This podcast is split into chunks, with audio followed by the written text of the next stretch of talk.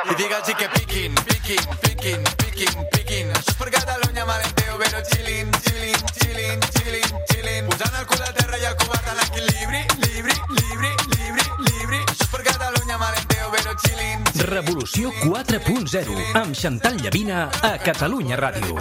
Com serà la Catalunya del 2030? Dissabtes a l'API web i diumenges de 10 a 11 de la nit. Baby, nos mola el jaleo. Baby, nos mola el jaleo. Tots coneixem algú que desborda actitud i estil. I si no el coneixes, és que aquesta persona ets tu. Doncs saps què? Ara també coneixeràs el seu nou cotxe. O potser serà el teu. Nou Toyota Aygo Cross. El crossover urbà que sobrepassa totes les expectatives. Gaudeix-lo amb Smart Connect i la seguretat que t'ofereix Toyota Assist. Sempre a l'altura. T'esperem al nostre centre oficial Toyota Teams Motor al carrer París 70 de Barcelona.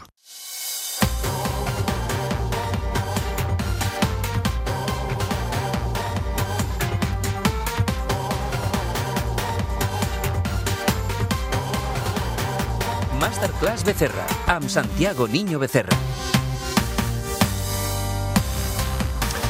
I després d'escoltar una crac de la tecnologia la parlarem amb un crac de l'economia, eh, l'home que ja sabeu que ens explica tot, amb tot detall sobre eh, l'economia. Santiago Niño Becerra, bona nit, com estàs? Què tal? Bona nit, Anam, bona nit. Jo molt preocupat perquè la notícia econòmica de la setmana que afecta un banc, eh, que és el Silicon Valley Bank, un banc que ha fet fallida i que en principi semblava que estava tot perfecte i de cop i volta s'han anat a, a Norris, doncs ens té una mica preocupat per l'efecte contagi, sobretot. D'entrada, què ha passat, eh, Santiago? Bueno, mm, a a veure, a- aquest banc eh, no, és, no és massa gran, eh, és, és més, per, perquè fem una idea, és més petit que el Sabadell. Mm. Eh, eh, és un banc que mm, estava especialitzat, mm, bàsicament, en temes, en empreses d'alta tecnologia. És a dir, els seus principals clients eren, eren aquests. Llavors, aquesta, aquestes empreses es caracteritzen perquè mm, tenen, tenen molt, molt gir d'efectiu, és a dir, mouen molts diners, eh, el qual en principi no és ni bo ni dolent. El que passa és que eh, per fer això el banc ha de tenir, ha de tenir diners. Llavors, en aquests anys passats, eh, els tipus d'interès han estat ultra baixos perquè els bancs centrals eh, han, mm, els han forçat a la baixa perquè, per evitar que s'enfonsés l'economia. Llavors els bancs, com tenien uns tipus d'interès tan baixos, han invertit en actius d'una rentabilitat mm, teòrica molt elevada, però amb una liquiditat molt baixa. Llavors, al, al pujar els tipus d'interès, el que ha passat és que eh, els seus actius s'han desvaloritzat i eh, el, el, els bancs, evidentment, han tingut de, o estan tenint de eh, solucionar aquesta problemàtica. Per exemple, a l'SVB, el que va, eh, va tenir unes pèrdues de 2.000 milions de dòlars, va intentar una ampliació de capital, eh, el, el, no ho va aconseguir, eh, el seu conseller delegat va sortir per, dient de que no passava res, que tot estava controlat. Això, eh, eh, evidentment, va ser un avís de que hi havia problemes i eh, una gran diferència amb 2008, avui les xarxes socials funcionen a todo trapo. Mm. Llavors, llavors, mm, això es va estendre com la pólvora. Només, només una dada. En 10 hores d'aquest banc, de l'SVB, mm, es van retirar 40.000 milions de dòlars. Ostres, clar. Quan la gent comença a retirar llavors, diners... Va, Uau. va quedar, va quedar bueno, pues, mm, absolutament de, de, en descobert i bueno, va fer fallida. Ll- Llavors, el, el, com la, això té un, dues implicacions molt importants. Per, torno, torno a dir, a nivell, a nivell de tamany, no, perquè és un, és un banc eh, petit. A nivell de què? A nivell petit. de què? Bueno, a nivell de què? A, a nivell, per exemple, de, les, de, eh, de la financiació de start-ups tecnològiques, d'empreses tecnològiques. Això, per exemple, està tenint ja repercussions mundials. Les empreses eh, espanyoles, mm, per exemple, ja eh, alguna està començant a tenir problemes de financiació. Per, per què? Bueno, pues per les pròpies característiques d'aquestes empreses. I en segon lloc, eh, això que comentaves de l'efecte contagi, això ja està passant. Hi ha, hi ha bancs que ja estan tenint problemes a nivell internacional. Mm, bancs que, per una banda, han, han, van fer algú semblant del que hem comentat que va fer el Silicon Valley Bank, que és eh, invertir en aquest tipus d'actius, eh, i, eh, eh, és a dir, amb unes inversions, vull dir, mm, diguem-ne, no, no normals, eh, perquè els tipus d'interès estaven tan baixos i llavors eh, hi ha, hi ha, algun banc està començant a tenir, a tenir problemes. Però, llavors, perdona, eh, govern... per, per tranquil·litzar-nos una mica, uh, mm. estem en una situació similar al que va a la crisi de l'any 2008 o no? O no? No, al, al, al 2008 el que passava és que hi havia moltíssims bancs que estaven carregats de porqueria. Aquells famosos sí, bons que, que, que eren compos, com, composats d'una sèrie de coses que ningú sabia què era, uh mhm. -huh. i llavors allò era impossible de valorar. Això ara no passa. Eh, això, ara les inversions en bons eh, estan perfectament eh, eh, identificades, eh, valorades. Aquest no és el problema. El problema és que els bancs es poden quedar sense diners. Eh, per, si aquest, aquest, aquesta onada de retirar diners eh, de certes empreses ve per por, ve per necessitat, etc etc, va, va més. Eh, jo, jo per mi la situació del 2008 era molt més complicada que, que la d'ara. El que passa és que mm, el govern dels Estats Units ha fet, ha fet una cosa que això, evidentment, sentarà precedents.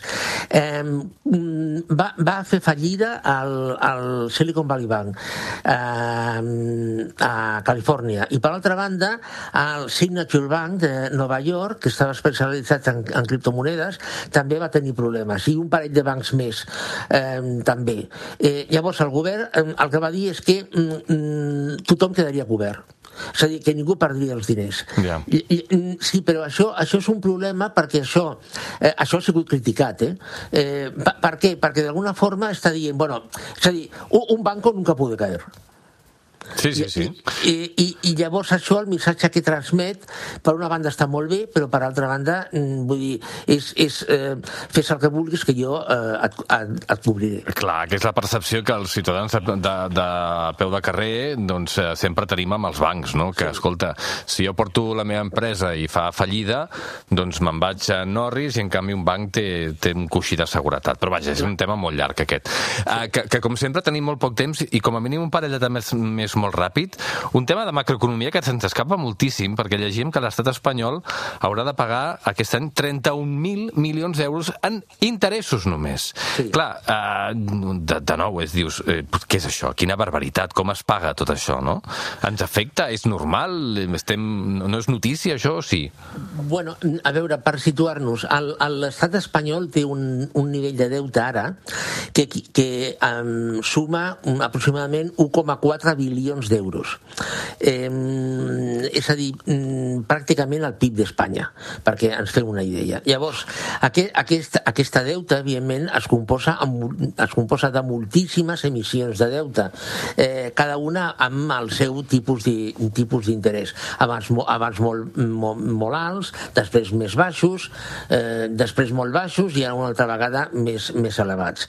Clar, mm, el negoci del deute curiosament, no és que et tornin el capital. És a dir, un, un, un fons d'inversió, un gran inversor, no vol que li tornin la, al principal. Vol els interessos. El, exactament. El negoci del deute està als interessos i quan arriba el venciment es renegocia una altra vegada, eh, es fa una pròrroga i es continua, es continua pagant interessos. Molt bé.